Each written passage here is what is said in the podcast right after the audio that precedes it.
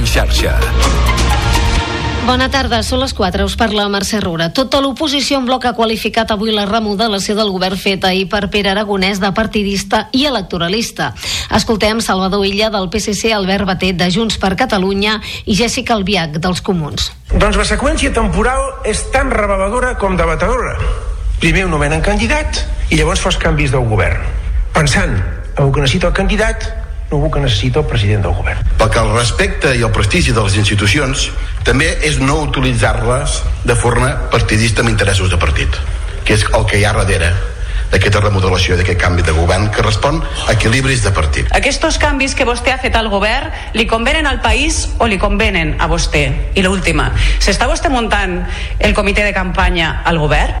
Per la seva banda, el president ha defensat els canvis, tot assegurant que serviran per negociar amb el govern espanyol amb tot el reconeixement institucional. I el conseller d'Acció Climàtica, David Mascort, ha reiterat al Parlament que durant el febrer resoldran totes les sol·licituds dels ajuntaments relacionades amb l'àmbit de la sequera. Durant la sessió de control al govern, Mascort s'ha compromès amb tots els municipis per poder fer front a les reparacions, a millorar la xarxa de l'aigua i arreglar fuites i ha remarcat la llau de peticions rebudes per part del món local, fins a 880 de 734 ajuntaments. Amb la llau de sol·licituds, eh, què hem fet nosaltres? Hem posat 70 milions d'euros més, fins a 120, per cobrir totes les sol·licituds que siguin elegibles. Totes. Recordo que les obres es, poden, es podien començar a l'1 de gener del 23. Les subvencions són retroactives. Per tant, els ajuntaments que ja tinguin la partida, que no depenguin de la subvenció, ja poden començar a fer-la, perquè tindran la subvenció. Els que no tenen la partida, nosaltres resoldrem aquest febrer des de Junts per Catalunya han demanat a Pere Aragonès que convoqui una nova cimera per parlar de la sequera. I 7 de cada 10 dones tenen por a patir una agressió sexual quan van caminant soles pel carrer de nit. Es tracta d'una de les principals conclusions d'una enquesta del Centre d'Estudis d'Opinió. L'estudi també recull que un 21% dels catalans ha estat víctima de frau amb les seves compres per internet el darrer any i que dos de cada tres estan d'acord en que Barcelona acolli la Fórmula 1. Es tracta de les principals conclusions a la tercera onada d'aquesta enquesta Òmnibus 2023. I la cadena alemanya de supermercats Lidl destinarà 140 milions d'euros a construir una plataforma logística a Martorell, al Baix Llobregat, un centre que serà el més gran que tindrà a tot Espanya i que té previst inaugurar l'any vinent. El nou centre tindrà una superfície de 66.000 metres quadrats i 140 molls de càrrega. És tot de moment, tornem amb més notícies. Notícies en xarxa.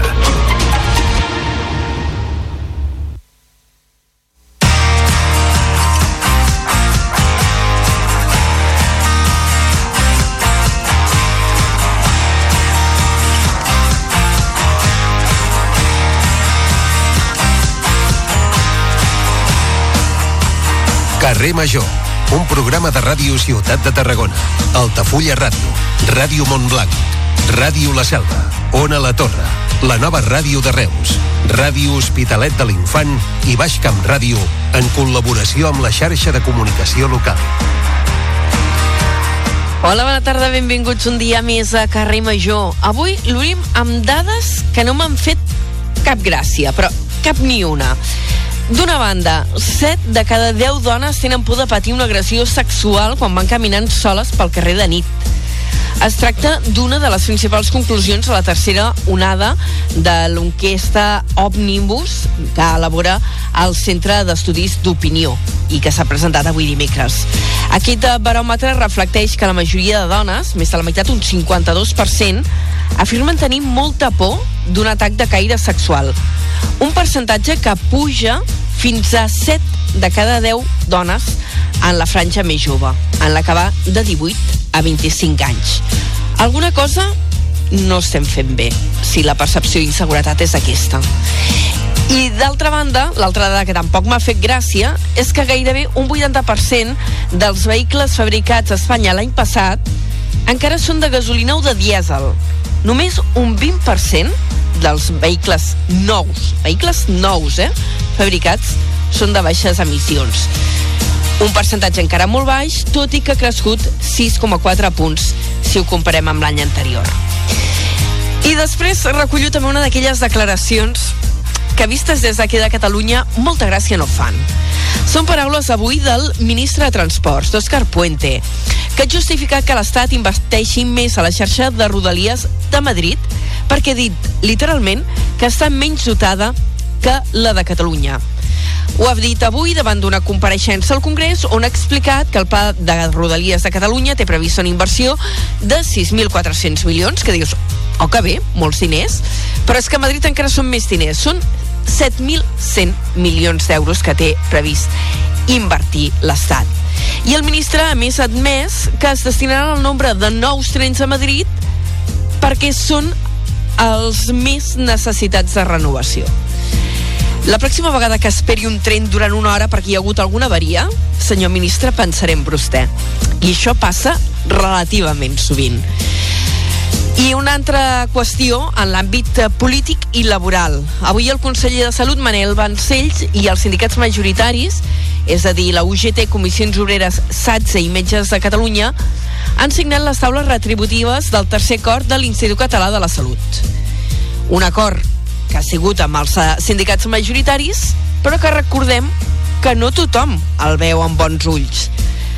No ho veuen amb bons ulls els tècnics sanitaris i també el Sindicat Infermeres de Catalunya que continuen en vaga. De fet, avui els tècnics sanitaris s'han manifestat davant del Parlament a l'espera de rebre una proposta de salut amb millores laborals també per a ells.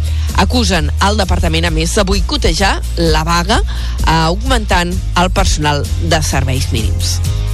Són qüestions que configuren l'actualitat d'avui dimecres, som dia 24 de gener.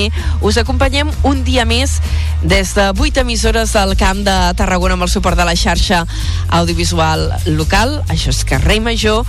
I l'equip el formem Liri Rodríguez, l'Aleix Pérez, en David Fernández, la Gemma Bufies, la Cristina Artacho, l'Adrià Requesens, en Jonai González, l'Antoni Mellado, Antoni Mateos, jo mateixa, l'Anna Plaça, que us acompanyo a la primera hora del programa programa des d'Ona la Torre i en Iago Moreno que el tenim als comandaments de tot plegat. Comencem.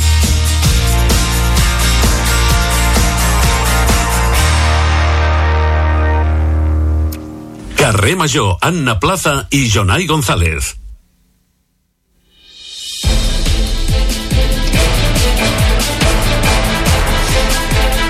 Les 4 i 7 minuts i aquesta sintonia ens porta cada dia a saludar en Jonai González. Jonai, bona tarda.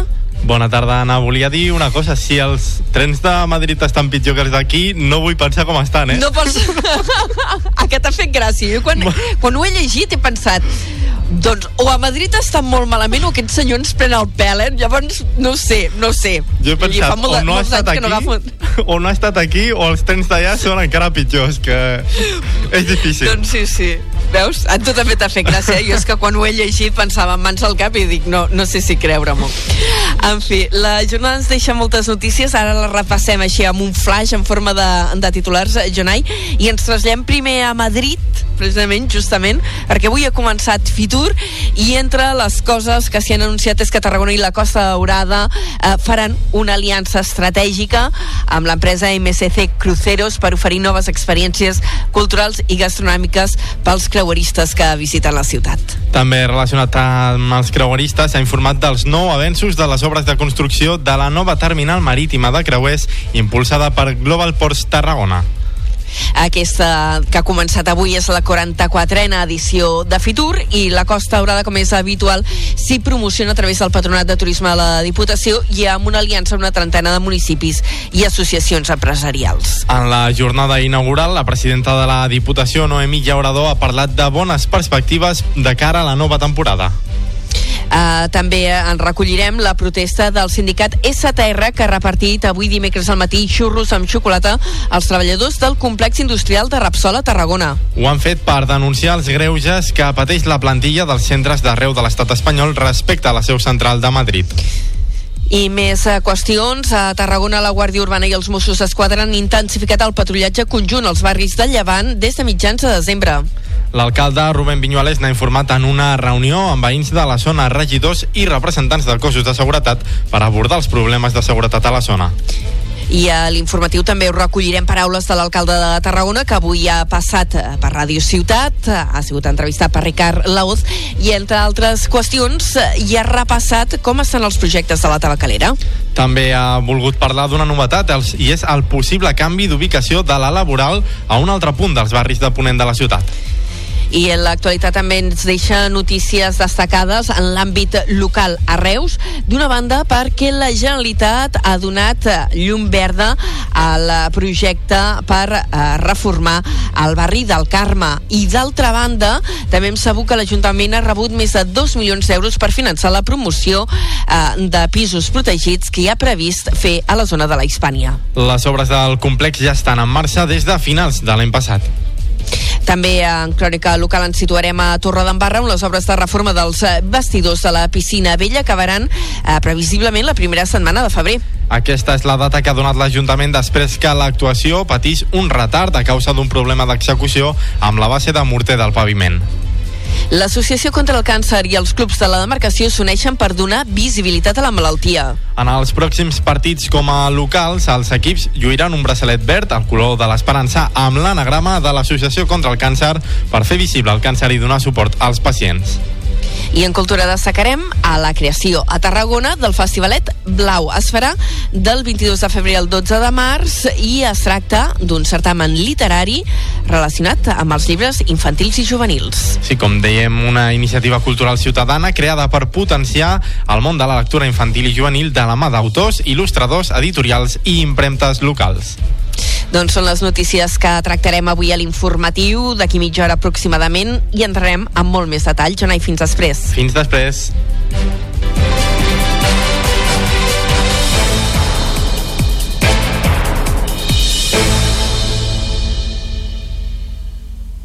Carrer Major. Toni Mateos.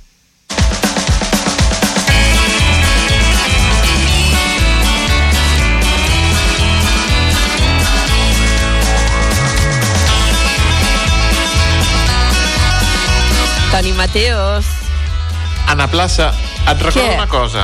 Digue'm. Et recordo una cosa. Òscar No, Puente, Sí? el ministre, Sí? que ha dit això dels trens, Sí? li va molestar amb un tren.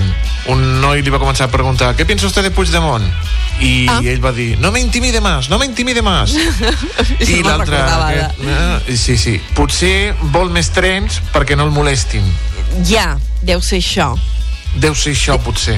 No, no ho sé, eh? és que igual potser té raó el Jonà i jo ara no sóc conscient de que a Madrid el servei de Rodalies està fatal, però clar, jo em queixo del que tinc aquí a casa, m'entens?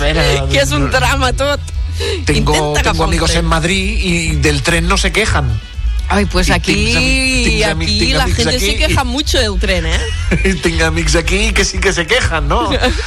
Però bueno, el- els que es queixen són els meus amics extremenys. De- D'això sí que es queixen, eh? Del tren d'Extremadura. Uh, em Però- puc però- imaginar que a Extremadura, mm, si aquí estem deixats una mica de vegades de la mà de Déu, tens aquella sensació de eh, que aquí hi ha molta gent, eh, que aquí hi ha molt de pip, eh, que aquí mm, d'allò en recordeu-se'n de naltros. Imagino que mm, Extremadura deu ser invisible, però nivell Master en Commander. Pobrets extremenys, com lo macos que són. Pobrets. Molt bé, molt bé. Però bueno, Saps que no he potser- estat mai a Extremadura? No has estat mai a Extremadura? Mai. Has d'anar al poble de mons fuerte. pares. Xica, has d'anar al poble de mons Home, pares. doncs mira, el dia que vulguis a l'estiu muntem una excursió, eh? Eh, Et deixo les claus. Em tens a casa. No, va, no, la t'anava a dir, agafem la, la furgó de la Cristina Artacho. Mira, i marxem al- les I vuit se n'anem emissores. d'excursió. I se A n'anem d'excursió a Extremadura. A les I deu fotre una pueblo. calor? Pues eso, sí, pues... sí, sí, sí, sí, sí, però hi ha piscina. Hi ha I piscina, pues, I pues també hi ha eh, rebujitos per refrescar-te. Molt bé, Veus quin planazo. Bueno, molt bé, quin mira, plan. una, una setmana molt, eh? non-stop, eh? Seria una setmana non-stop. T'ho Pues mira, compro. mira, és qüestió de parlar-lo. Jo fico la casa, vosaltres el menjar i la resta posen l'alcohol. I se ja està. d'excursió. Es, escolta'm, que, que no, ens enrotllem, que ens enrotllem molt sempre tu i jo, i ja Sí, tenim sí. el Josep Anton Remolà, que és el nostre convidat avui de la primera hora, esperant els estudis de Ràdio Ciutat, que el veig aquí per la càmera. Molt bé. I, I res, amb ell hi parlarem ara, però tu què faràs a partir de les 5? Doncs mira, eh, primer parlarem del podcast de veïns que ens prepara com cada setmana l'Adrià Requesens des de Ràdio Ciutat de Tarragona farem un tastet parlarem amb el José Caramassa eh, Camarassa, perdó, que és organitzador de la Fira Gaming, eh, que aquest Home. dissabte estarà a la Canonja. I tindrem Hi ha una també... fira gaming a la Canonja? A la Canonja, sí, sí, sí. Què sí. m'estàs dient? Sí, sí, sí, sí. Parlarem amb el responsable d'aquesta fira i amb el regidor de joventut de la Canonja. Molt bé. Eh, parlarem amb tots dos d'aquesta fantàstica fira Gaming Experience de la Canonja. Carai. Trucarem al Guille Mena, que ens donarà consells. Saps allò dels bons propòsits de cap d'any? Sí, de... sí. Aquest any, doncs, Sí. alguns ja, ja els han llançat a la brossa, Ja ni- uns altres estan a punt. Eh? Pues, pues, el, uns altres estan a punt. Doncs mira, preguntarem al Guille si és bona idea això de començar dieta al mes de gener o si la podem començar al febrer o al març, o en fi, i moltes coses.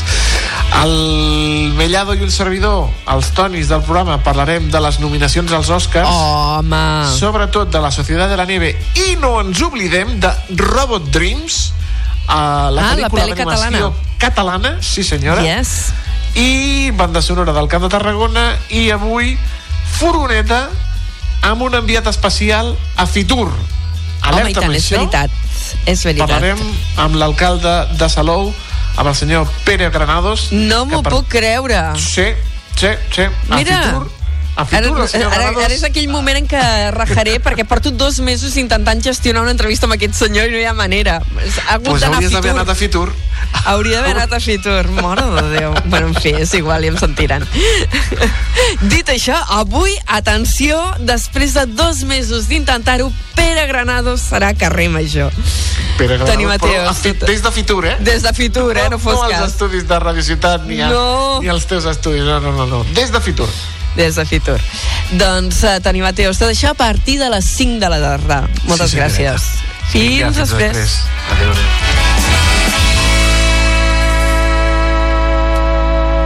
Tot el que passa al Camp de Tarragona t'ho expliquem a Carrer Major.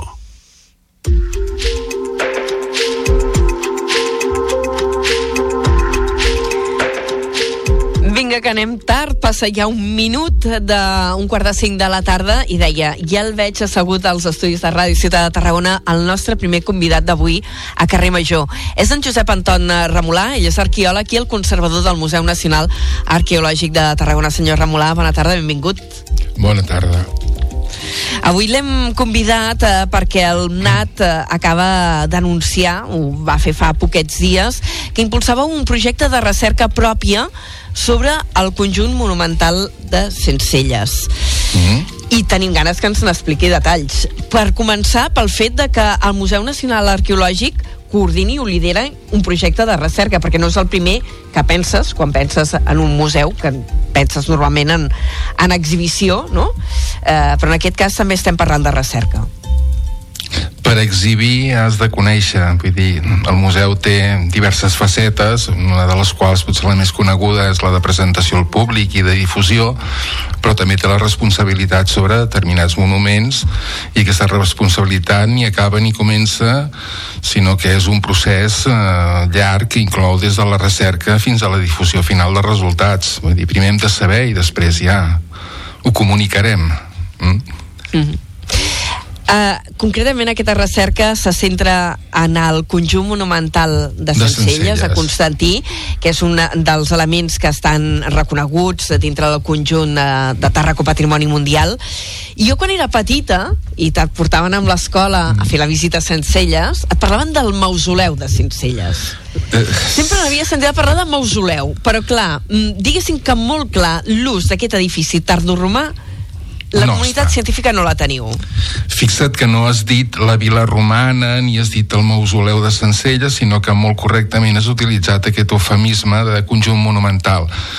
Conjunt monumental en si mateix no és una funcionalitat, no? Ni el problema, el gran problema que té Sencelles és que després de gairebé 150 anys de conèixer els mosaics i de conèixer la importància arquitectònica del conjunt, a hores d'ara continuem sense saber amb una certa certesa què va ser Sencelles. I per poder-lo explicar, el primer que hem de fer és conèixer-lo, no? Aleshores, en aquest sentit, el projecte el que pretén és, que intentar resoldre què era Sencelles a través de l'anàlisi de la decoració del mosaic, doncs 150 anys després no ha conduït a, a, a res clar, doncs hem impulsat un projecte multidisciplinar, no? on intentem conjugar totes les dades possibles, tots els indicis, no? com si fos un, un procés de forense, no? Recollir dades, valorar-les, ordenar-les i decidir quines d'elles doncs, poden ser rellevants. No? No, no tindrem una prova, una evidència probatòria i quan no tenim això doncs, ens hem de basar amb, amb la valoració dels altres indicis, a veure si ens poden orientar sobre quina és la, la, la funció d'aquest edifici, que entre altres coses és el conjunt arquitectònic més important de l'Occident romà d'època tardoromana i malgrat això, malgrat aquesta monumentalitat i aquest estat de conservació i la presència del mosaic, doncs la veritat és que a hores d'ara encara no podem donar per segura cada, cap de les funcions que s'han proposat fins ara. De fet, fa un any i mig, el 2022, si no recordo malament, era el juny, mm -hmm. perquè he estat buscant, eh, ja es va fer un congrés internacional sobre aquest monument tardoromà de Sencelles. Vull dir que l'interès i el debat en la comunitat científica és molt viu. I tant, i tant, i, i ho continuarà sent precisament perquè malgrat aquest congrés doncs hores d'ara encara no hem arribat a un consens sobre què, què pot ser Sencelles, no? I aquest congrés de l'any passat, del 2022, perdona, és una miqueta el colofó tot una, tota una línia d'investigació que s'ha portat fins ara, excessivament, des del meu punt de vista, excessivament focalitzada en el mosaic, en els dibuixets dels mosaics, en la interpretació del mosaic, i torno a insistir insistir, mm, el mosaic no està ficat allà perquè nosaltres sapiguem què va ser allò. El mosaic és una decoració d'una sala principal i la, i la funció de tot el conjunt no vindrà determinada pel mosaic, sinó que vindrà determinada per l'estructura, per la planta, etc etc. no? I el que volem és iniciar una nova etapa de, mm, com t'ho diria jo, menys especulació i més dades. Volem dades, dades, dades. Volem saber com es va fer el morter, quin va ser el procés de construcció, i tot un seguit d'estudis de, de, que no tenen l'espectacularitat que es pot tenir un estudi sobre el mosaic, però que a nivell d'indici, d'indici físic que pot ser interpretat històricament, tenen tanta importància o més. Mm -hmm. eh, és un treball de recerca que no fareu sols des del Museu Nacional Arqueològic, conteu amb la complicitat de l'Institut Arqueològic Alemany de Madrid, que a més va ser, mm, que jo ho he descobert i això no ho sabia, eh, qui va fer de les primeres excavacions així eh, metòdiques, sistemàtiques als anys 60-70 en el, el conjunt de, de Centelles. De, com és que ve l'interès des de l'Institut Arqueològic Alemany de Madrid? M'ha sobtat. Perquè perquè per sort va caure en mans seves, ells van ser els primers, no els primers, però sí els que realment van ser conscients de la dimensió del que significava Sencelles. I ja l'any 59 van començar els treballs, uns treballs que s'ha de dir van ser excepcionals, és un projecte modèlic i més en el moment en què es va, en què es va executar, és un, és un projecte que incloia des de la recerca arqueològica fins a la restauració dels elements arquitectònics que hi havia, hi havia presents, que va aconseguir dotar eh, el Camp de Tarragona d'una àrea monumental que fins aleshores havia, era un mas i no formava part del patrimoni del patrimoni visitable, és a dir, la intervenció del DAI a tots nivells, des de la restauració fins a l'excavació, va ser modèlic i estem molt, molt contents, la veritat és de que el, el DAI actual, la direcció actual del DAI Madrid, hagi entès que, que la iniciativa del Manat pot ser una bona oportunitat per recuperar l'interès pel que va ser el projecte número 1 de l'Institut Arqueològic Alemany a la península, en la península ibèrica i estem treballant de la mà i ja de fet tenim ja doncs eh, fa poc ens, eh, en l'acte en la reunió que vam tenir fa poc ens van lliurar un disc dur extraïble amb una quantitat enorme d'imatges de, de, de la intervenció de gairebé 20 anys que van tenir el monument i que fins en aquest moment no disposàvem. O sigui que ara també ampliar una mica arxiu del Museu Nacional Arqueològic sí. amb tot aquest, eh, amb aquest treball de recerca que ja s'havia fet fa 4 o 5 dècades eh, al conjunt de, de Sencelles. O sigui, és com si sortís a la llum material inèdit que ja existia. Sí, és que és un doble front. Hi ha un front de tot lo nou que pretenem fer, les noves excavacions que pretenem fer, però després hi ha un cos importantíssim que és revisar eh, tota la informació generada durant aquestes dues dècades de presència de l'Institut Arqueològic Alemany a Sencelles. Malauradament, per motius que ara seria molt llarg entrar-hi, al final només es va publicar el mosaic. L'any 1988 Helmut Schlung publica eh, l'estudi iconogràfic dels, del mosaic de Sencelles però no es va fer el pas següent o inclús te diria el que hauria d'haver estat el pas anterior que hagués estat la publicació de les excavacions i de l'estudi arquitectònic. Ni les excavacions ni l'estudi arquitectònic van ser finalment publicats. Això vol dir que ara una de les feines que pretenem és fer la revisió de tot aquest material, integrar-lo amb totes les dades que tenim, amb aquest objectiu, no? Torno a insistir sobre Sencelles, a vegades sense gaire coneixement de causa, s'han dit, tot, tot, s'han dit moltes coses i, i, i ja n'hi ha prou, no?, d'especular. Anem primer a tenir dades el més objectives possibles i a partir d'aquestes dades veure com podem deduir doncs, qüestions com la funcionalitat, que és important importantíssima, però també la cronologia, que tampoc és un tema que estigui definitivament clar mm, cronologia que no està clara, però sí que situeu aquell espai en l'època tardorromana. Sí. Acotem una mica amb el temps tot això. Sí, bueno, el, el període tardorromà, en el cas de Tàrraco, s'inicia a finals del segle III, quan l'imperi comença a tenir ja a manifestar-se greus problemes, i és aquesta etapa eh, que ara diem final, perquè sabem el resultat final que va acabar, no? però és una etapa molt interessant perquè significa tota una transformació profunda encara dins del propi imperi romà, que és la que portarà després el naixement de, de, pràcticament de l'Europa de l'Europa actual. Per tant, és un període capdalt de la història, tot i que potser no tingui la monumentalitat del Temple d'August de Tarragona, és un altre període, les coses s'han redimensionat, però des del punt de vista històric i en relació a Tarragona té una importància fonamental. Mm. I què és el que us fa dir, eh, des de l'àmbit acadèmic i de recerca, que aquest eh, espai de Sencelles té tanta importància? Mira. Més enllà del mosaic, que ara hi entrarem a parlar sí, del no, mosaic. No, ja. no, no, sí, sí, no, no. Eh, a veure, el mosaic no està penjat de la sala d'un museu. El mosaic forma part de la decoració de la cúpula de l'estança principal d'un conjunt arquitectònic de més de 100 metres de façana est-oest. Eh, és, per tant, una part important, però només una petita, una petita part. El que hem d'intentar entendre és tot el conjunt i, i, i no ho podrem fer a lo millor només des, de, des, de, des del mosaic de, per, de, Sencelles han proposat diferents funcions una la que comentaves tu abans que va ser un mausoleu, un mausoleu imperial és el que ens explicaven a l'escola de petits sí. eh? quan et feien la visita de Constantí jo, deien això era un mausoleu jo ho he explicat, jo ho he explicat això jo, jo... ho he explicat he explicat que era un mausoleu m'acostava d'entendre-ho però ho, ho he explicat i després ho he explicat com una vila com una vila romana no? Si, està, si és romà i està en el camp, doncs serà una vila.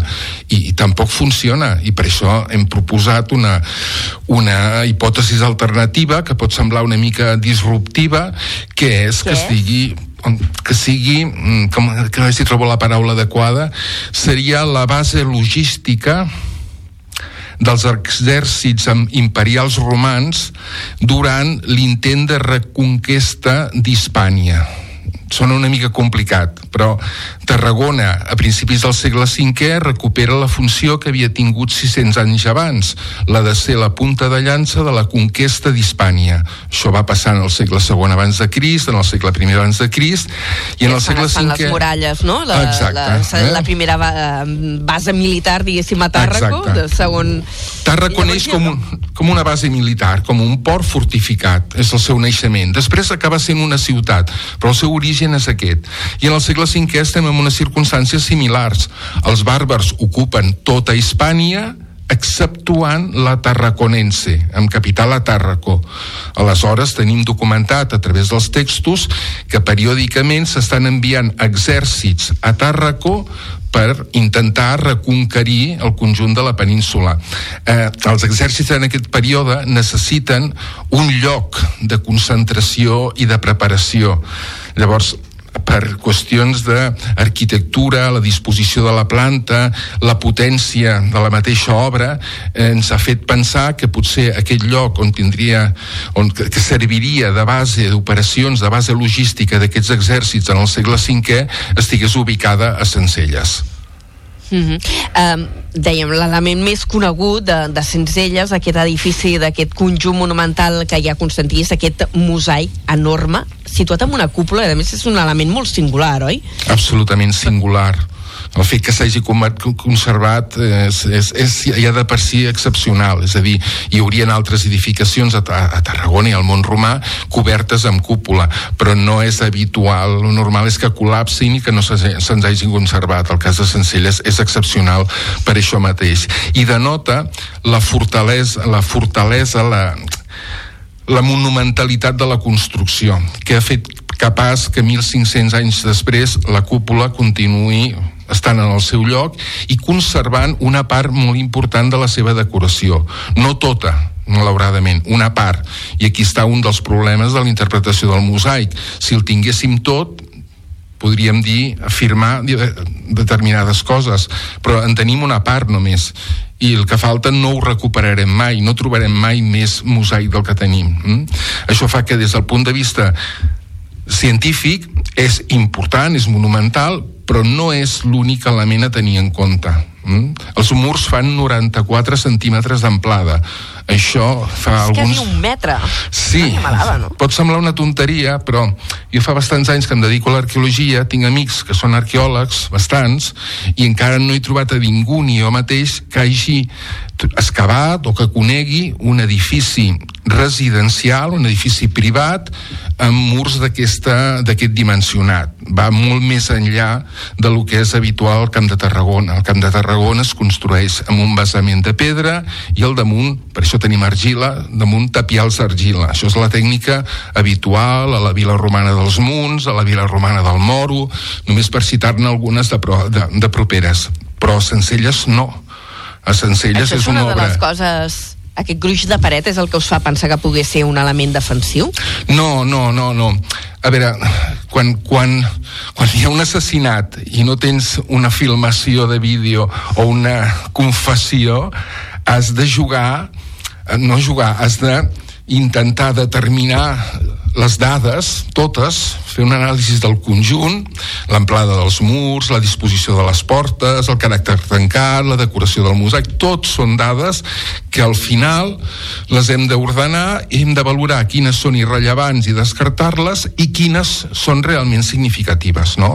I en aquest cas anem des de l'anàlisi dels morters, que pot donar dades molt interessants, si finalment poguéssim determinar que aquest morter està fet amb calç procedent de la descomposició d'elements arquitectònics de la part alta de Tarragona, ens trobaríem una prova de que allò és un edifici públic, perquè no tothom tenia accés a aquest material, només tenia accés al material, aquest material l'Estat. Per tant, seria un indici que obtingut a partir de l'analítica de Mortés, però un indici a favor de la titularitat pública d'aquest edifici, el qual en si mateix ja és, ja és una dada. I anem des de l'anàlisi del morter fins a la situació històrica que a vegades els arqueòlegs vivim una mica eh, d'esquenes a la història escrita. I si la història escrita diu que el 419 a Tàrraco estava el comte de les Hispànies Asterius preparant un gran exèrcit, i si dos anys després tenim a Castinus, Magister Militum, si dos anys després tenim a Mero Baudes, i després tenim a... vol dir que tenim una sèrie d'exèrcits que passen per Tàrraco i que estan a Tàrraco preparant-se per campanyes a nivell hispànic. Mm, no es reunien al mig d'un descampat ni en una vila abandonada. Requerien espais preparats per exercir aquesta funció. Eh? I en el cas de la cúpula de, de Sencelles, si aquesta interpretació, que és la que proposem nosaltres, fos certa, la, el mosaic, seria la decoració del santuari, del santuari militar, eh? una peça indispensable en aquests conjunts d'arquitectura d'arquitectura militar, que és on es guardaven les ensenyes, els estandards, la imatge de l'emperador, on es guardava l'essència de l'exèrcit i, si recordes, a la sala principal, a més del mosaic, a sota hi ha una cripta Mm? Aquestes sí, criptes... Que per això es deia que era un mausoleu, no? Sí, Entenc que era una de les sí. primeres interpretacions. El problema és que aquest mausoleu, aquesta cripta, té una porta, té una entrada de 41 centímetres d'amplada per 71 centímetres d'alçada. És a dir, no és que ja no hi càpiga, no s'hi pugui introduir un sarcòfag, és que pràcticament una persona té dificult, tindria dificultats en accedir en aquest espai. No està decorada, per tant, el fet de que pogués ser funerària mm, queda pràcticament descartat i, per tant, hauríem de buscar altres criptes associades a sales principals que no fossin funeràries. I això ens porta al món dels santuaris dels santuaris militars que a dalt tenien les ensenyes i l'esperit de l'exèrcit i a sota, en una cripta els anglesos en diuen una strong room una cambra cuirassada tenien una cripta on es guardava doncs diners els exèrcits eren mercenaris en el segle V, el 99% eren, eren bàrbars contractats que havien de cobrar periòdicament. Per tant, eh, sí que no, és, una, és una interpretació que pot sobtar una miqueta perquè introdueix l'element militar, però no podem oblidar que Tàrraco en el segle V, si és coneguda per alguna cosa, és per pel seu rol, pel seu paper com a punt de, de, de partida d'aquests intents frustrats, al final fracassen, però aquests intents que hi ha durant el segle V de recuperar Hispània. Uh -huh. uh, estem parlant del projecte de recerca que s'impulsa des del Museu Nacional Arqueològic uh, per fer aquesta interpretació del conjunt monumental de Sencelles que encara avui en dia presenta moltíssimes incògnites. Estem parlant amb en Josep Anton Ramolà, uh, que és uh, arqueòleg i conservador del MNAT. Um, ara inicieu us heu fixat un calendari de treball de 4 anys, mm. poca broma, i a més eh, un treball que va més enllà mm, d'aquesta sala principal de, del conjunt de Sencelles, perquè heu que voleu excavar en tota l'esplanada de l'entorn i tenir en compte altres elements com l'aquaducte del pont de les Caixes. Sí, el que el que hem vist que no funciona és focalitzar molt l'interès en un element concret, fem-ho al revés, ampliem el marc, anem a veure què passava al voltant de l'edifici de Sencelles del que coneixem, probablement hi haurien altres edificacions relacionades, i volem saber si a través del coneixement de l'entorn no resoldre la funcionalitat, però sí tenir una dada més, veure què hi passava en el moment que funcionava Sencelles al seu voltant. I en aquest voltant hi ha un element fonamental que és el pont de les caixes. El pont de les caixes està situat fora del recinte, del recinte visitable, però en època romana, en època antiga, formava una unitat. És a dir, aquest aquaducte romà captava les aigües uns dos quilòmetres i mig més amunt de Sencelles i retornava les aigües un quilòmetre i mig més avall de Sencelles. Entre el punt de captació i de retorn de l'aigua al riu només hi ha un edifici romà, és Sencelles, és a dir, la seva construcció, la, la construcció de l'aquaducte està, creiem, relacionada directament amb la construcció de Sencelles. Mm? Aquesta obra que et deia de, de 94 centímetres d'amplada, amb voltes de cúpula, tot això està fet amb morter i per fer morter necessites area, sorra, que tens el riu a la vora, no hi ha problema, necessites pedra, però hi ha un element fonamental que és el, el, la calç i el morter i per fer el morter necessites un flux d'aigua eh, regular i constant. Mm? per tant la construcció de l'aquaducte té tota la lògica del món. És a dir, has de construir un edifici que requerirà grans quantitats d'aigua doncs la solució és construir un aquaducte i és també un element més a tenir en compte a l'hora de valorar la singularitat i la importància del conjunt. És un edifici que va permetre's el luxe, entre cometes, o que, o que se li va permetre construir-se un aquaducte per portar les aigües fins a, a peu d'obra, per dir-ho d'alguna manera. Mm -hmm. Hi havia unes termes, també, que això també s'ha d'excavar? Hi ha dos conjunts de banys un que està íntegrament excavat per part de l'Institut Arqueològic Alemany i n'hi ha un altre que es va excavar parcialment i que el que volem fer ara, més per motius museogràfics que científics, científics també, és excavar-ho per, per incorporar-los a la visita. Actualment, quan acabes la visita, surts a fora, veus uns arcs que no acabes d'entendre ben bé què signifiquen. Si recuperem la planta, associada a aquests alçats, a lo millor serà més fàcil d'entendre i el visitant doncs, tindrà l'oportunitat de, de, tenir un, un recorregut més complet que hauria de finalitzar amb la visita al pont de les Caixes. El pont de les Caixes i Sencelles ens hem d'acostumar a veure-ho com, una, com el que va ser en el seu moment, que és una unitat, tot i que actualment pertanyin a administracions diverses i estiguin, estiguin separats. El vincle pont de les Caixes Sencelles crec que s'ha de reforçar. Doncs eh, hem parlat d'un projecte de recerca mm, que ara comença per guanyar eh, coneixement i interpretació del conjunt de Sencelles, acabar de definir la seva cronologia i també quin ús, perquè encara no està gens clar eh, que va tenir eh, aquest edifici en època tardoromana i també eh, poder ampliar la superfície visitable, que suposo que també és una cosa que des del Museu Nacional Arqueològic eh, us interessa. És un Moltíssim. En col·laboració amb l'Ajuntament. És a dir, Sencelles és el centre. Si tu traces amb un compàs, fiques la punta damunt de Sencelles i traces un quilòmetre al voltant de, de, de Sencelles, et trobes que tens un conjunt de patrimoni insuperable. Sencelles, el pont de les Caixes, el molí de l'arquebisbe o el molí de Constantí, íntegrament del segle XV des dels fonaments fins a dalt, el molí d'Escaladell, el molí de Reus, és a dir, tens tot un conjunt patrimonial al voltant de Sencelles que ja tant des del punt de vista del museu com de l'Ajuntament, com del ciutadà en general, crec que ens interessa molt de coordinar i de potenciar. Quin és el primer pas?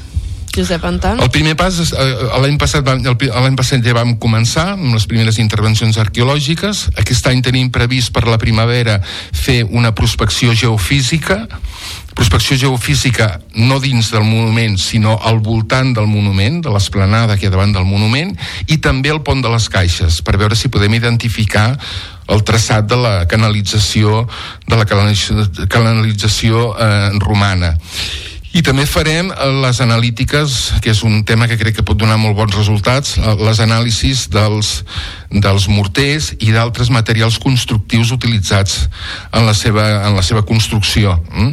I a finals d'any tenim prevista una excavació d'una certa envergadura mm, just davant del, del, del, del monument, on els alemanys en els anys 60 van detectar l'existència d'un potent edifici del qual malauradament només en van poder conèixer algunes parts perquè havien d'intervenir quan allò eren camps de conreu i no podien fer el que volien sinó que els hi deixaven fer. Nosaltres el que farem serà intentar excavar una extensió per veure si podem entendre aquest edifici i si el podem relacionar amb el que ja coneixem de Sencelles Mm -hmm. Doncs agraïm moltíssim al Josep Anton Remolà, conservador del Museu Nacional Arqueològic, eh, perquè avui hagi passat per carrer Major, per donar-nos explicacions a tot aquest projecte que teniu al voltant de, de Sencelles, del conjunt monumental de Es, Espero que ho anem repetint, això, a mesura que anem fent actuacions i obtinguem resultats. Oh, i tant, a mesura que tingueu resultats, jo encantada de la vida de parlar-ne. I els nostres oients segur que encantats de la vida d'aprendre'n també. Moltíssimes gràcies. A vosaltres. Fins la pròxima. Gràcies, bona tarda. Adéu.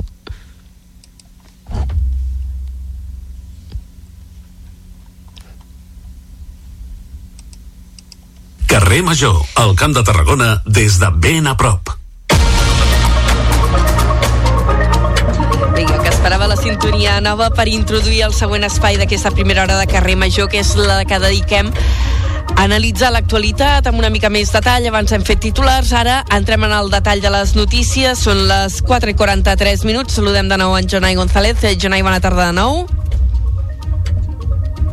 Es preu que a Ràdio Ciutat de Tarragona és veritat, hem de fer canvi de seients ara que ha marxat el Josep Anton Remolà. Comencem situant-nos a Madrid, perquè avui ha començat Fitur, la Fira de Turisme eh, de referència a l'estat espanyol, en què hi participa un any més la Costa Daurada, i en les novetats que s'hi han anunciat avui mateix és que Tarragona i la Costa a, a Daurada han signat una aliança estratègica amb l'empresa MSC Cruceros per oferir noves experiències culturals i gastronòmiques pels creueristes que visiten la ciutat. També s'ha informat dels nous avenços de les obres de construcció de la nova terminal marítima de creuers que està fent l'empresa Global Sports Holding. Eh, des de l'Ajuntament de Tarragona creuen que aquesta opció millorarà l'experiència als visitants i que la nova terminal també servirà per millorar la comoditat. En paraules del president del Patronat de Turisme de la Diputació de Tarragona, Carlos Brull, que per ser l'altre dia recordeu que el vam tenir aquí al programa, eh, es tracta també aquesta aliança amb MSC Cruceros, una gran oportunitat per oferir diverses possibilitats turístiques, com el llegat històric de Tarragona, el modernisme a Reus i el Museu Casteller de Valls, així com l'oci en Port Aventura i altres atractius eh, com els esports nàutics. Tot això, aquest anunci, aquesta aliança estratègica que s'ha signat amb l'empresa MSC Cruceros s'ha presentat avui a Fitur, la Fira Internacional de Turisme de Madrid, que arriba enguany a la 44a edició. La Costa Daurada s'hi està promocionant des d'avui i fins diumenge. Ho fa de la mà del Patronat de Turisme de la Diputació i amb una aliança d'una trentena de municipis i associacions empresarials. Ara sí, Jonai, explica'ns. Bona tarda de nou. En la jornada inaugural, la presidenta de la Diputació, Noemí Llaurador, ha parlat de bones perspectives per a la nova temporada. Ens ho amplia des de Ràdio Ciutat de Tarragona, l'Àlex Riba. Primer dia de Fitur i tot està a punt a l'estand de la Diputació de Tarragona. L'objectiu? Enfortir la marca Costa Daurada dins de la fira turística més important de l'estat espanyol. Reunions estratègiques i promoció de les diferents destinacions de la província. En això consistirà la feina del Patronat de Turisme de la Diputació durant els pròxims dies a l'esdeveniment que té lloc cada any a Madrid. Ja des de l'obertura dels pavellons s'aprecia la gentada que circularà per davant del mostrador de la Costa Daurada, amb Salou i Port Aventura com a principals espases. I en clau d'infraestructures, la presidenta de l'organisme provincial, Noemí Llaurador, preveu un bon 2024 pel que fa xifres a l'aeroport de Reus. Augmentem també el nombre de rutes, ara en teníem 23, en tindrem 26, augmentem també el número de companyies aèries, eh, estàvem amb 5, ara ja ens n'anem amb 8, i segurament les previsions és augmentem també el nombre de rutes, ara en teníem 23, en tindrem 26, augmentem també el número de companyies aèries, eh, estàvem amb 5, ara ja ens n'anem amb 8, i segurament les previsions és d'un augment d'aproximadament un 16% també d'activitat de, de passatgers. Segons dades del Tourism Data System, la província de Tarragona va registrar gairebé 20 milions de pernoctacions durant el 2023, a dia 15 de novembre, el que representa un 3,2% menys que abans de la pandèmia, però un 3,6% més respecte al 2022. Per tant, el sector turístic haurà de continuar treballant per arribar a la recuperació total. La presència a Fitur, sens dubte, és indispensable per assolir-ho. L'actualitat eh, passa per Madrid, passa per eh, Fitur, però també per qüestions urbanístiques. Hi ha hagut ja llum verda per les obres de millora del barri del Carme de Reus. La Comissió d'Urbanisme de Tarragona ha aprovat definitivament la modificació del planejament de Reus. Des de la nova ràdio de Reus ens ho explica en David Fernández. Gràcies a la llei de barris, ara fa 20 anys, ja es va intervenir la part més interior del barri del Carme. Ara, la Comissió d'Urbanisme de Tarragona de la Generalitat ha aprovat de manera definitiva la modificació del planejament urbà de Reus, que ha de permetre construir un nou centre d'atenció primària, 37 habitatges de lloguer assequible i un aparcament soterrat a la zona de l'actual aparcament de Sant Francesc. A partir d'ara, l'Incasol ja podrà licitar la redacció del projecte d'urbanització i d'arquitectura d'aquests nous edificis. En total s'hi invertiran 9 milions d'euros, dels quals 3 i mig els posa l'Ajuntament, l'Incasol n'aportarà 4 per a les dues promocions d'habitatge i el Servei Català de la Salut n'assumirà 1,5 per construir el nou centre d'atenció primària. Moltes gràcies, David. Eh, I, per cert, també l'Ajuntament de Reus ha rebut més de 2 milions d'euros per finançar la promoció de pisos protegits que estan previst fer a la zona de la Hispània. Les obres del complex ja estan en marxa des de finals de l'any passat. Ens ho amplia novament des de la nova ràdio de Reus, en David Fernández. El consistori reusenc va començar les obres de construcció del futur complex urbanístic de la zona de la Hispània a la Riera Miró el passat mes de novembre. El projecte preveu habitatge social, un aparcament públic, un equipament municipal i la urbanització exterior de l'espai amb un pressupost d'adjudicació de 19 milions d'euros. Amb l'ajuda de 2 milions procedents dels fons europeus Next Generation es finançaran 48 habitatges protegits que gestionarà l'Ajuntament. En total s'edificaran més de 8.100 metres quadrats, dels quals 7.700 estaran destinats a habitatges de protecció oficial. D'altra banda, el consistori també ha explicat que el nou aparcament de la zona, que s'integrarà a la xarxa d'aparcaments municipals, comptarà amb 340 places repartides en tres plantes. I en l'àmbit laboral eh, recollim eh, les demandes dels treballadors del Servei d'Atenció de Telèfon d'Emergències al 112, que avui mateix han anunciat que mantindran les aturades per exigir al govern la internalització del servei. Els sindicats han donat compte de l'estat actual del conflicte avui des del Parlament i han reclamat al govern que faci efectiva la, la internalització d'aquest servei i no prorrogui a Ferrovial el contracte de gestió. Un conflicte que, recordem, afecta als treballadors del 112 de Reus i que fa mesos que s'arrossega. I en paral·lel, avui també el sindicat STR ha repartit aquest matí xurros amb xocolata als treballadors del complex industrial de Repsol a Tarragona per denunciar els greuges que diuen que plateix la plantilla dels centres de Reus a l'estat espanyol respecte al seu centre de Madrid. L'organització es queixa de les diferències en matèria de flexibilitat horària, teletreball i equipaments. L'empresa ja va convidar xurros als treballadors de la matriu abans de Nadal i ara, utilitzant simbòlicament els xurros, el sindicat reclama Repsol i els seus directius mesures per a garantir els mateixos drets i el mateix tracte. El sindicat de treballadors considera que la falta de consideració vers els treballadors no es pot permetre a una companyia que proclama la igualtat i la justícia social. Rosa Peral ha declarat avui divendres al jutjat d'instrucció número 5 de Tarragona com a investigada per un suposat delicte d'alçament de béns. La condemnada pel crim de la Guàrdia Urbana de Barcelona hauria donat la propietat que compartia amb el seu exmarit a Vilanova i la Geltrú el seu pare, Francisco Peral, que també ha prestat declaració aquest matí. La donació de l'habitatge familiar hauria servit presumptament per evitar pagar la indemnització a la família de Pedro Rodríguez. A la sortida de la vista, l'advocada de Peral, Núria González, i el lletrat de la família de la víctima, Juan Carlos Tallas, no han volgut fer declaracions a petició de la instructora del cas, que els ha demanat que les mantinguin en secret.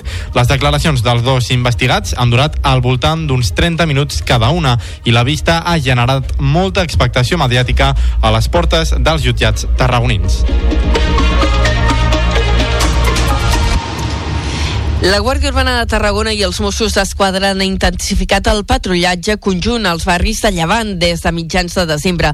L'alcalde Robert Viñuales n'ha informat en una reunió amb veïns de la zona, regidors i representants dels cossos de seguretat per abordar els problemes de seguretat. Fa un mes i mig es van acordar mesures per intensificar la presència policial. També es va acordar l'actuació setmanal de la unitat de drons i el desplaçament d'una unitat mòbil de denúncies. A la nova reunió amb els veïns, Viñuales ha reconegut que darrere darrerament hi ha hagut més robatoris a Llevant, però ha matisat que no es tracta de grups violents. També ha detallat el treball conjunt que estan realitzant la Urbana i els Mossos. De fet, hi ha una intensificació de les patrulles, unitat mòbil de, de denúncies, també hem fet patrullatge amb drons, també pensi l'extensió no, de la zona de Llevant i també la diferència no, de zones residencials, per això la unitat de drons està actuant i continuarà actuant. A més a més, patrullatge conjunt de Mossos i Guàrdia Urbana, una coordinació total i intensa en aquest sentit. Tot just aquesta setmana, Esquerra Republicana acusava l'alcalde Vinyuales de deixadesa en matèria de seguretat i manifestaven preocupació perquè en algunes zones com boscos s'han arribat a crear patrulles ciutadanes per prevenir robatoris. Precisament l'alcalde de Tarragona ha passat avui pels micròfons de Ràdio Ciutat, el programa Bon Dia de Ricard Laoz. Allí ha explicat que l'espai tabacalera s'està començant ja a omplir de projectes, tots ells relacionats amb el món de la cultura, la formació i l'educació. Després que es confirmés que la nova Biblioteca Pública de l'Estat i altres projectes, com les noves instal·lacions d'ATAC 12 o de Ràdio Televisió Espanyola tinguin ja un espai reservat, Vinyoles ha assegurat que aviat es començarà a omplir que estem treballant per omplir-ho, tant magatzems com la resta de naus, i que no massa temps crec que podríem donar alguna alguna afirmació categòrica de com començarem a omplir-ho. Uh, la seva gran virtut és el seu defecte, que són doncs, molts metres quadrats, Amb tot, Vinyuales advertia que omplir els 60.000 metres quadrats de la tabacalera serà pràcticament impossible. D'altra banda, l'alcalde de la ciutat ha fet referència al pla d'ordenació urbanístic de la ciutat que podria estar per l'any 2025. Vinyuales ha explicat que aquest serà l'últim pom de creixement. Però de pom com de creixement jo crec que és, és l'últim, no? I és molt important perquè no és nostre. Si avui aprovem el POM, el primer totxo es ficaria com a mínim d'aquí sis anys. O sigui, no és una cosa de l'alcalde Vinyuales. Vinyuales és, és, és un pom de ciutat, de que vés a saber no, qui estarà d'alcalde o alcaldessa quan, quan s'executi no, del tot. Per això ha de ser molt de consens. Entre altres qüestions d'infraestructures, l'alcalde Rubén Vinyuales també ha apuntat la possibilitat que la laboral se'n vagi cap a una nova zona mentre l'empresa CLH aterraria l'espai que actualment ocupa el complex educatiu. Seguim en crònica local, però ara situats a Reus, on l'empresa d'aigües augmenta la bonificació de la seva tarifa social. L'empresa municipal condiciona aquesta ajuda a un ús responsable de l'aigua. Des de la nova ràdio de Reus ens ho explica en David Fernández. A aquelles famílies que es beneficien de la tarifa social d'aigües de Reus se'ls rebaixarà la seva factura en un 50% tant de la quota fixa com de la quota variable. L'empresa només aplicava fins ara la reducció en la part de la quota variable del segon tram de la factura, mentre que ara hi haurà una rebaixa a la meitat tant al primer com en el segon tram i tant a la quota fixa com a la variable del servei d'aigua i del clavegaram. Aigües de Reus, però, condiciona aquesta bonificació a un ús responsable de l'aigua, ja que els beneficiaris no podran superar un consum mensual de 12 metres cúbics en el cas d'una unitat familiar de 4 persones. Les obres de reforma dels vestidors a la piscina vella de Torre d'Embarra acabaran previsiblement la primera setmana de febrer. Aquesta és la data que ha donat l'Ajuntament després que l'actuació patís un retard a causa d'un problema d'execució amb la base de morter del paviment. Des d'on a la torre ens ho explica en Josep Sánchez. Aquesta base presentava unes eh, fissures a causa de la retracció i assecatge que en un primer moment es van sellejar i reparar superficialment. En la preparació i polit per aplicar la pintura del paviment es va comprovar que no hi havia prou garanties d'assolir un bon acabat i estètica final i s'ha refet tota la base. Des de l'Ajuntament remarquen que aquest fet no suposarà cap sobrecost. Berta Castells, regidora d'Esports a l'Ajuntament de Torredembarra, destaca que es tracta d'una obra molt necessària és una obra que ja fa molt temps que, que s'hi va darrere per fer aquesta remodelació. Jo crec que tots, tots hi hem passat per aquells vestuaris i no et sabria dir els anys que porten, per tant, molts i tots eh, els usuaris era una, bueno, una, una petició que es feia per, per adequar i per sanejar. Les obres de reforma dels vestidors de la piscina vella van començar a mitjans del mes d'octubre i havien de durar dos mesos. L'actuació l'està fent l'empresa Erdieco per un import d'uns 200.000 euros. I, per cert, eh, avui us hem d'explicar també que l'Associació contra el Càncer i els grups de demarcació s'han unit per donar visibilitat a la malaltia. En els pròxims partits com a locals, els equips lluiran un braçalet verd al color de l'esperança amb l'anagrama de l'Associació contra el Càncer per fer visible el càncer i donar suport als pacients. I anirem a Cultura per explicar que a Tarragona Ciutat s'ha presentat un nou festival literari. El Festivalet Blau es farà del 22 eh, de febrer al 12 de març i eh, està pensat eh, per donar promoció a la literatura infantil i juvenil.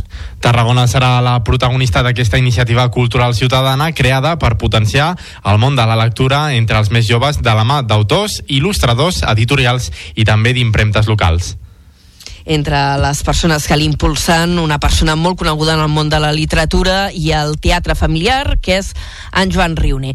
Dit això, tanquem aquesta primera hora de programa, aquesta primera hora de carrer major.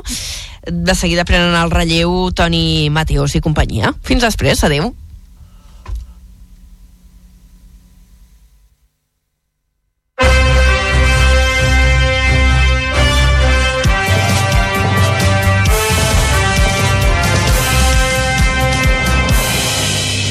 Ciutat de Tarragona. Més que una ràdio. Dolor d'esquena? Dolor abdominal? Migranyes? Si tens dolor de qualsevol tipus, a Clínica del Dolor de Tarragona et donem la solució. Ens trobaràs al 977 94 24 47 i a dolortarragona.com. Clínica del Dolor de Tarragona. Posa't a les nostres mans. Especialistes en dolor. Tarragona Daily Matí. Disponible cada matí al web de Ràdio Ciutat de Tarragona. Subscriu-te amb el suport de Port de Tarragona. Podcast de veïns. Històries, vides, trajectòries, anècdotes. Els nostres barris, carrers, places, municipis, pobles i ciutats compten amb un grapat de veïns i veïnes rellevants per una o altra cosa. Un podcast fet al Camp de Tarragona, amb guió i locució d'Adrià Requesens. No et perdis el capítol a La Xarxa Més i el magazín Carrer Major. Podcast de veïns, gent amb marca local. Vine a Valls. Descobreix el bressol de la calçotada i el quilòmetre zero casteller. El diumenge 28 de gener no et perdis la gran festa de la calçotada, la festa gastronòmica més gran i popular de Catalunya. A Valls podràs descobrir també el nou Museu Casteller, una experiència immersiva única en què et podràs posar a la pell d'un casteller i conèixer tota la història dels castells. Ah, i si adquireixes el lot degustació de la gran festa de la calçotada, et regalem també un 2 per 1 per visitar el Museu Casteller. Visita Valls. Més informació a valls.cat. Tota la informació i continguts de Ràdio Ciutat de Tarragona els trobareu a la nostra aplicació per Android, iOS i ara també Android TV. Ràdio Ciutat de Tarragona. Més que una ràdio. up.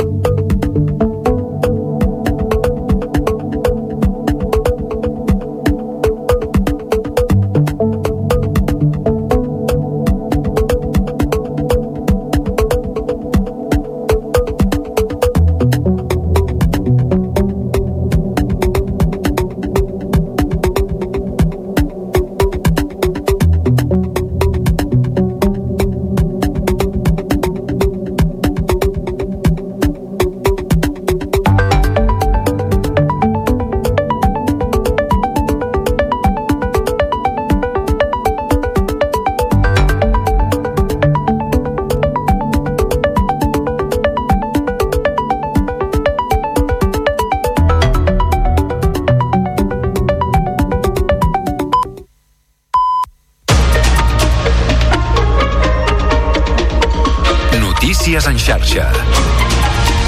Bona tarda, són les 5. Us parla Mercè Roura. Més d'una vintena d'entitats han presentat un manifest per reclamar que es mantingui el rec de supervivència als jardins i a les zones verdes, tant a les públiques com a les privades, quan Catalunya entri en emergència per sequera.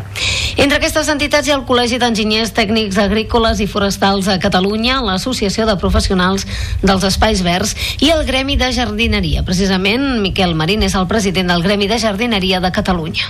Si no podem regar les empreses, el sector nostre patirà moltíssim. I el que exigim és que sent un sector que ha fet els deures se li permeti mantenir aquests mínims de supervivència i que d'una vegada s'agafi el tema de la sequera i de l'aigua en sèrio i es gestioni amb valentia política.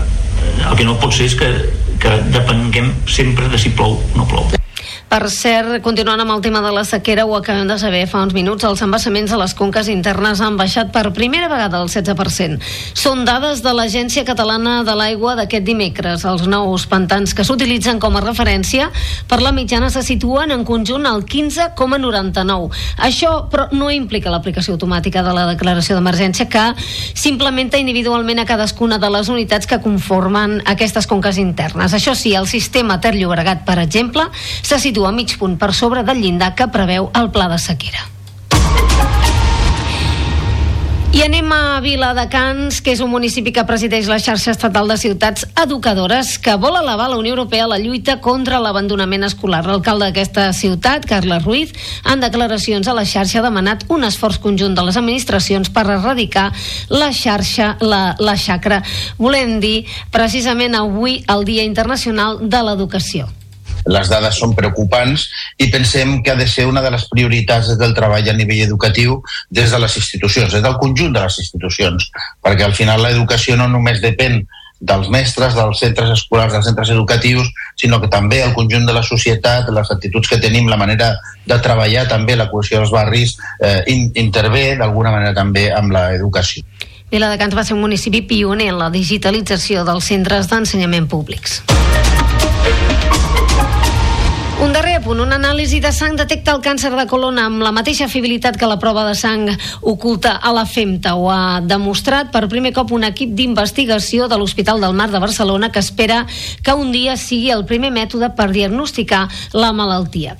És tot de moment. Tornem amb més notícies en xarxa. Gràcies.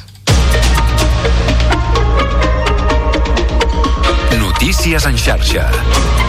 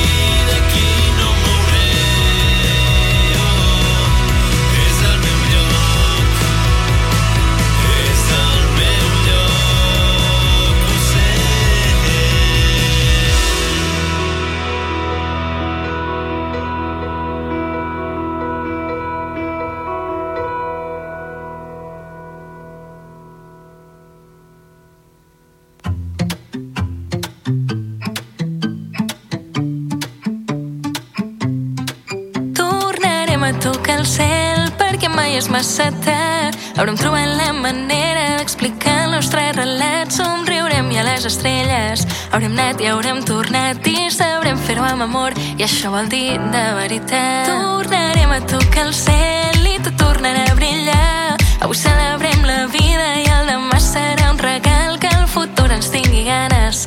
Que la por ja l'hem vençut i els problemes que guardàvem ara el vent ja se'ls endur.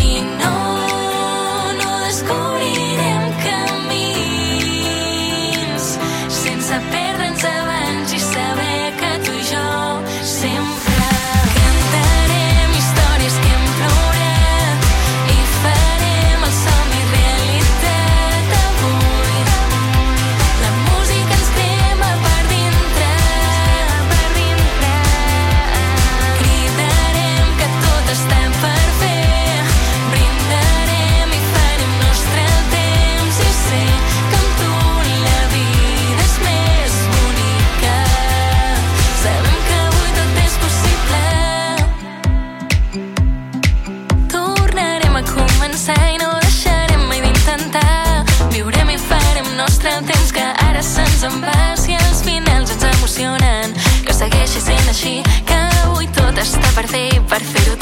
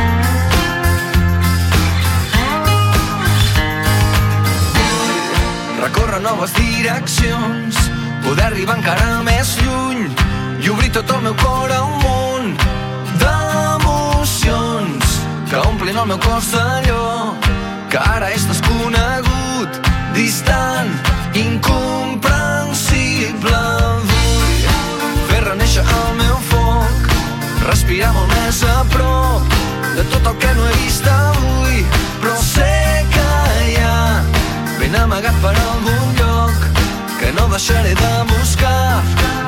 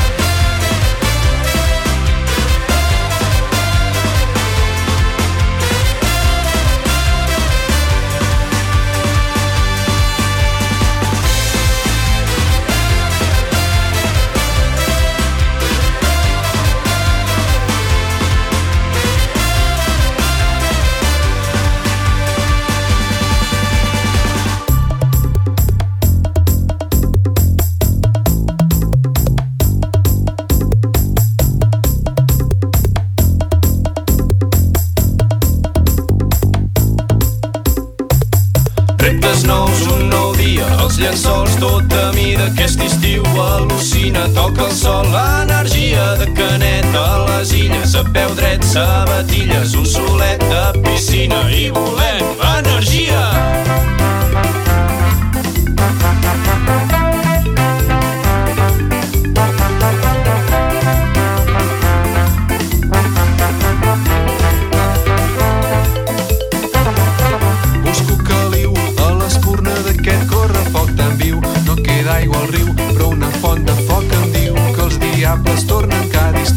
Amb un objectiu. Se senten com a casa, no sentiu ja aquell xiu-xiu i un himne de matinada a les portes del matí.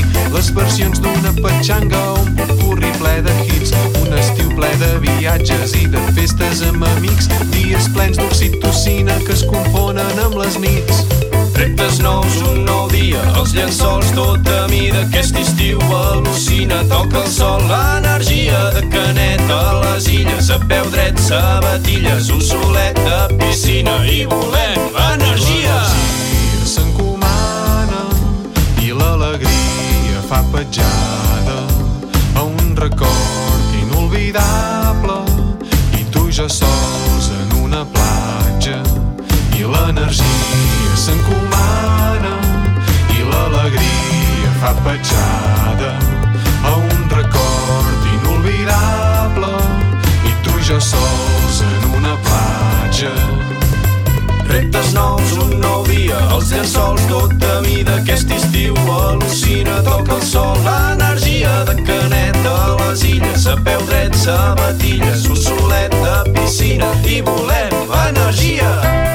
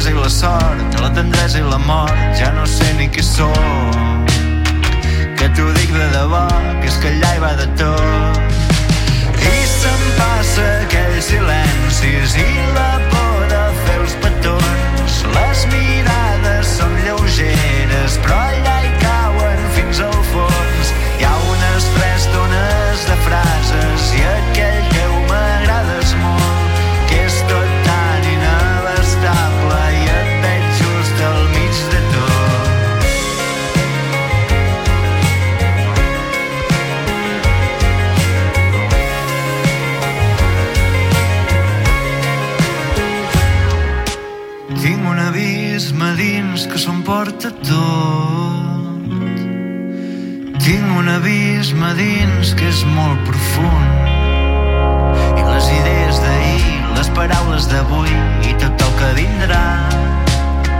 Les cançons que ara faig, les que faré demà, no em podran escapar. I veig cordes i arners, però d'aquí no en surt res. I se'm passa aquells silencis i la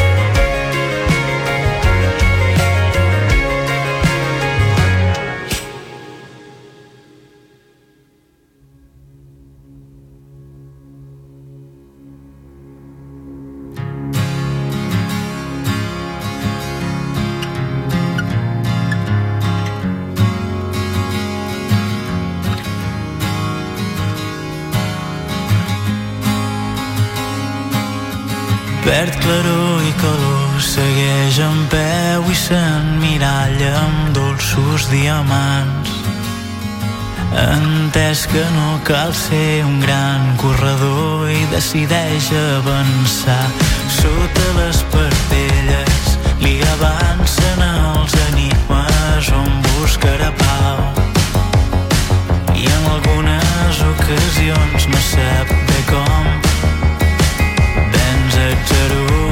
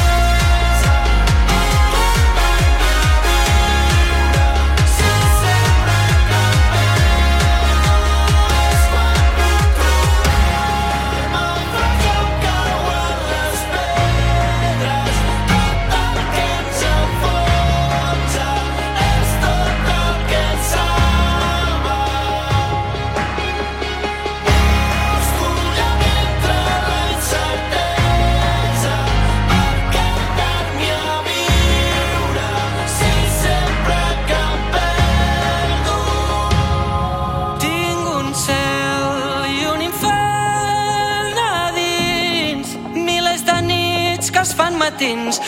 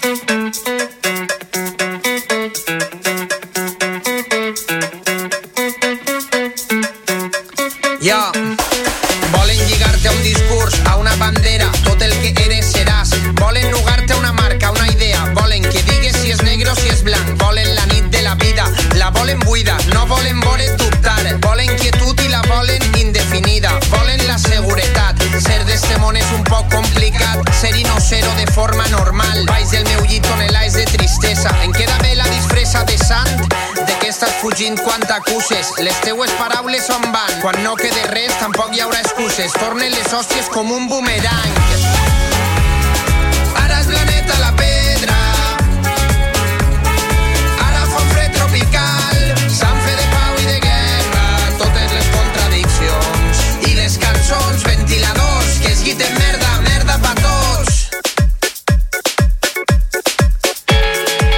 Deixa que el cante la carta, tenim de tot, de qualitat normaleta. Li pose tot el carinyo, baixa eixe foc. Volen la base ben feta. Si a mi se'm talla la salsa, un nou bufo.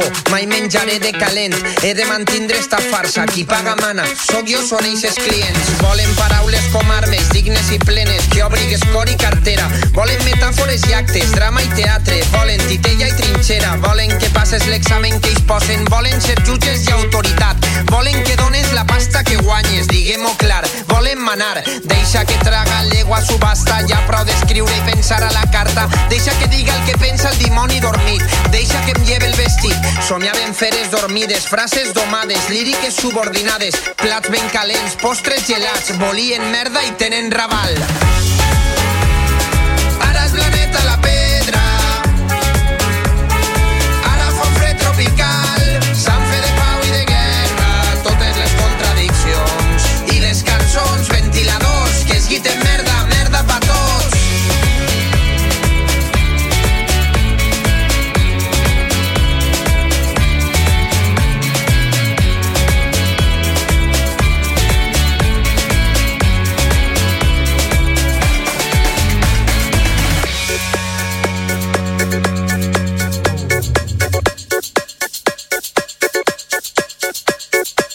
Volen i volen, no solen buidar, tot ho controlen, el bé i el mal. Eixa és la fórmula, este és un fals. Eixes no molen, no em fan volar. Eixa has fallat la teoria i la canviaria. Esta és un poc regular. Esta està bé però es nota l'hipocresia. I a esta li falla al final. Critica i ataca, mira la butxaca. Eros se se